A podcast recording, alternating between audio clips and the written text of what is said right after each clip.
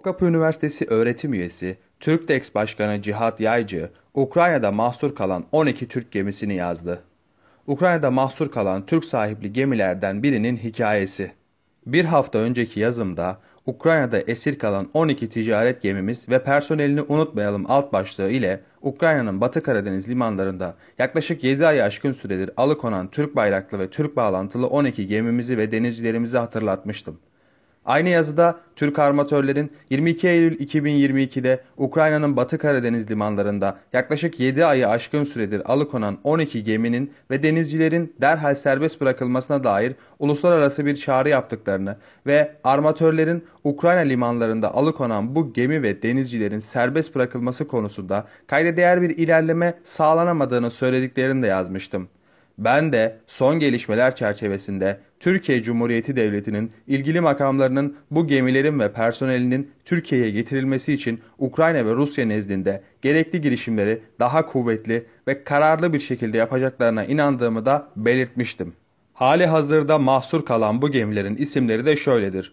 Kurtoğlu 3, Cengiz Bey, Malart S, Tuzla, Orion S, Venüs, Rain River, Hacı Emine Ana, Alfa Orionis, Zeybek, Skymoon 1, Ferahnaz.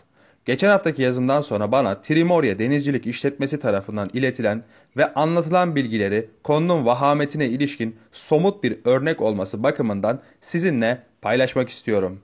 Trimorya Denizcilik İşletmesi filosunda yer alan Türk sahipli her biri yaklaşık 3000 DVT kapasitesindeki 2 adet kuru yük gemisi 24 Şubat 2022'de Rusya'nın Ukrayna'ya saldırısı başladığında maalesef Ukrayna limanında bulunmaktaymış. Liman ağzını kasıtlı bir şekilde kapatmış. Rus saldırılarının başlaması sonrası tüm Ukrayna limanları Ukrayna Silahlı Kuvvetleri kararıyla giriş çıkışa kapatılınca orada mahsur kalmışlar ve bugüne dek kurtulamamışlar. Bu gemilerin Sormovski 121 gemisi Çornomorsk limanında mahsur kaldığında 2000 MTS çuvallı plastik ham maddesini Gürcistan'a götürmek üzere yüklemiş olarak limanda hazır vaziyetteymiş. Ancak Ukrayna Silahlı Kuvvetleri'nin limanları kapatma kararı almasının hemen sonrasında Ukrayna ordusu limana giriş çıkışları engellemek üzere liman ağzında iki adet yük gemisini batırmış ve böylelikle liman ağzını kasıtlı şekilde kapatmış. Böylece liman içindeki tüm gemilerin limandan çıkışı önlenmiş. Görüşmelerden sonuç alınamamış. Diğer gemi olan Alfa Orionis gemisi ise Rus saldırısı olduğu esnada bakım için tersanede bulunduğu Herson'daymış. Gemi bu esnada tersanede tüm bakım ve onarımlarını tamamlamış vaziyette tersaneden çıkış için yenilenen evraklarını beklerken Rusların bölgeye saldırısı başlamış. Her iki Türk sahipli gemide de tam donanımlı Azeri, Türkü ve Ukraynalı personel görev yapmaktaymış. Tersanede savaşın başladığı günden sonra hiçbir çalışma ya da mesai olmamış. Şehir içindeki şiddetli çatışmalar ve zorlaşan erzak temini neticesinde aylar geçtikçe gemi personeli ve gemi sahibi şirketin gemilerini limandan çıkarma umutları tükenmiş. Bunun üzerine personel eksiltme yolunu seçen firma Ağustos 2022'de imzalanan tahıl koridoru anlaşmasına kadar gemi personelini en aza indirmiş. Gemilerin sahibi olan Trimorya Denizciliğin tüm girişimlerine rağmen Mayıs ayında Koster, Koster Armatörleri ve İşletmecileri Derneği aracılığı ile ilgili Türk makamları ile yapılan görüşmede dahil olmak üzere bir sonuç alınamamış. Tahıl koridoru Sormovski 121'i kurtarmış. Ancak tam umutların tükendiği anda tahıl koridoru mutabakat muhtırasının yürürlüğe girmesiyle birlikte açılan tahıl koridoru bu gemilerden Sormovski 121'in kurtulmasına neden olmuş. Tahıl koridoru anlaşmasından önce gemi kiracısıyla yapılan uzlaşma istinaden Sormovski 121 gemisinde bulunan yük boşaltılmış. Tahıl koridorunun açılmasıyla birlikte buğday yüklenmiş ve Sormovski 121 Çornomorsk limanından buğday yükü nedeniyle ayrılan gemilerden bir tanesi olmayı başararak Tekirdağ'a hareket etmiş. Firmalar ve gemicilerimiz devletimiz kurumlarının mutlaka tüm diplomatik yolları deneyerek gemilerimizi kurtarmaya çalıştığına inanıyorlar. Ama şimdiye dek gösterilen çabaların somut sonuçlar doğurmamasına üzülüyorlar.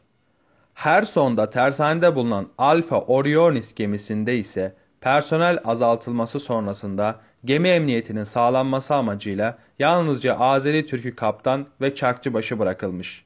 Ancak bu esnada her son Rus kontrolüne girmiş. Ağustos ayında gemiye gelen Rus askerleri artık gemide kalamayacaklarını ve onlar için tahsis edilen eve gitmeleri gerektiğini tebliğ etmiş. Planı Ruslar iptal etmiş. Bu personelin haftada ancak iki kere ikişer saat olmak üzere gemiye gelip kontrol etmelerine izin verilmiş. Eylül ayı başında sevindirici bir haber olarak sorumlu Rus subayı kaptana bir hafta içinde limandan kalkış yapabileceklerini ve bunun için ihtiyaç duyulan malzemelerin listesini istemiş.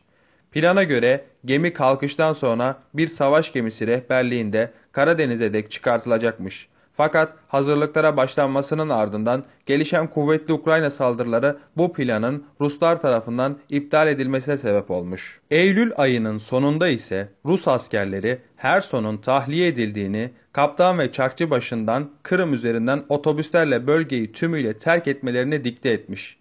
Bölgede iki gün içerisinde gerçekleşen bu cebri tahliye sonrasında söz konusu gemi personelsiz terk edilmiş vaziyette bölgede bırakılmış.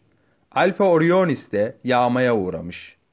Bölgeden alınan bilgiye göre 3 Kasım 2022'de gemi tersaneden römörkörle çıkartılarak nehrin doğu kıyısına başka bir geminin üstüne yanaştırılmış.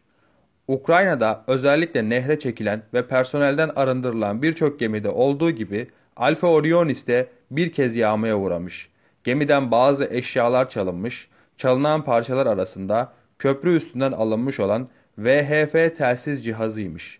Bununla birlikte gemiden tam olarak neler alındığı bilinmiyor. Çünkü sadece iki kişi kalan mürettebat ile 2 saatlik gemide bulunma izin süresince sağlıklı bir tespit yapılması doğal olarak mümkün değildir. Trimorya Denizcilik Şirketi'ne göre olumlu bir gelişme yaşandığı takdirde gemimiz makine ve güvert olarak 1-2 gün zarfında seyre hazır hale gelecektir. Geminin klas sertifikası yoktur. En yakın tersaneye giderek klasın tekrar kontrolünün ardından tekrar yük taşır hale gelebilecektir. Personelin çoğunun Ukraynalı olarak donatılması kolaylıkla mümkündür. Hali hazırda Herson civarında gemiyi tanıyan daha önce çalışmış personelimiz vardır. Bu anlattıklarım Ukrayna'da mahsur kalan 12 gemiden birinin hikayesidir. Diğer gemilerin de durumu 3 aşağı 5 yukarı aynıdır. Sigortaların zararı karşılanması da sigorta kontratları çerçevesinde pek mümkün görülmemektedir. Özellikle karşılıklı bir savaş ilanının olmaması sigorta şirketlerinin zararları karşılamasına engel oluşturduğu söylenmektedir. Gemi sahipleri bunun mücadelesini yapmaktadırlar. Türkiye bugün Rusya ve Ukrayna'yı gerek tahıl koridoru anlaşmasının imzalanması ve gerekse anlaşmanın geçtiğimiz günlerde Rusya tarafından askıya alınması kararı üzerine tekrar tahıl koridoru anlaşmasının yürürlüğe girmesi aşamalarında aynı masaya etrafında toplayabilen tek devlet olduğunu açıkça göstermiştir. Güçlü devlet olmak, caydırıcı askeri güce sahip olmayı gerektirdiği gibi diplomatik güce de, pazarlık kabiliyetine de sahip olmak anlamına gelmektedir. Ülkemiz 2. Dünya Savaşı'nda başarıyla yürüttüğü son derece zor denge ve tarafsızlık politikasını bugün de Ukrayna ve Rusya arasında yürütmüş ve bunu hayranlık uyandıran bir diplomasi ürünü olan tahıl koridoruyla taşlandırmıştır.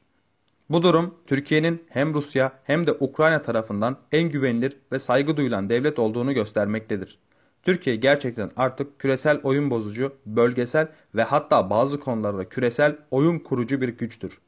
İşte bu güçteki Türkiye'nin Rusya ve Ukrayna ile üst düzey girişimlerde bulunarak yaklaşık 8 ayı aşkın süredir mahsur kalan Türk bayraklı ya da Türk bağlantılı gemilerimizi ve 2 adet A400M askeri nakliye uçağımızı bir an önce kurtarmasının her bakımdan önemli olduğunu düşünüyorum. Bunun ise Türk diplomasisinin eriştiği seviye bakımından artık çok da zor olmayacağı kanaatindeyim.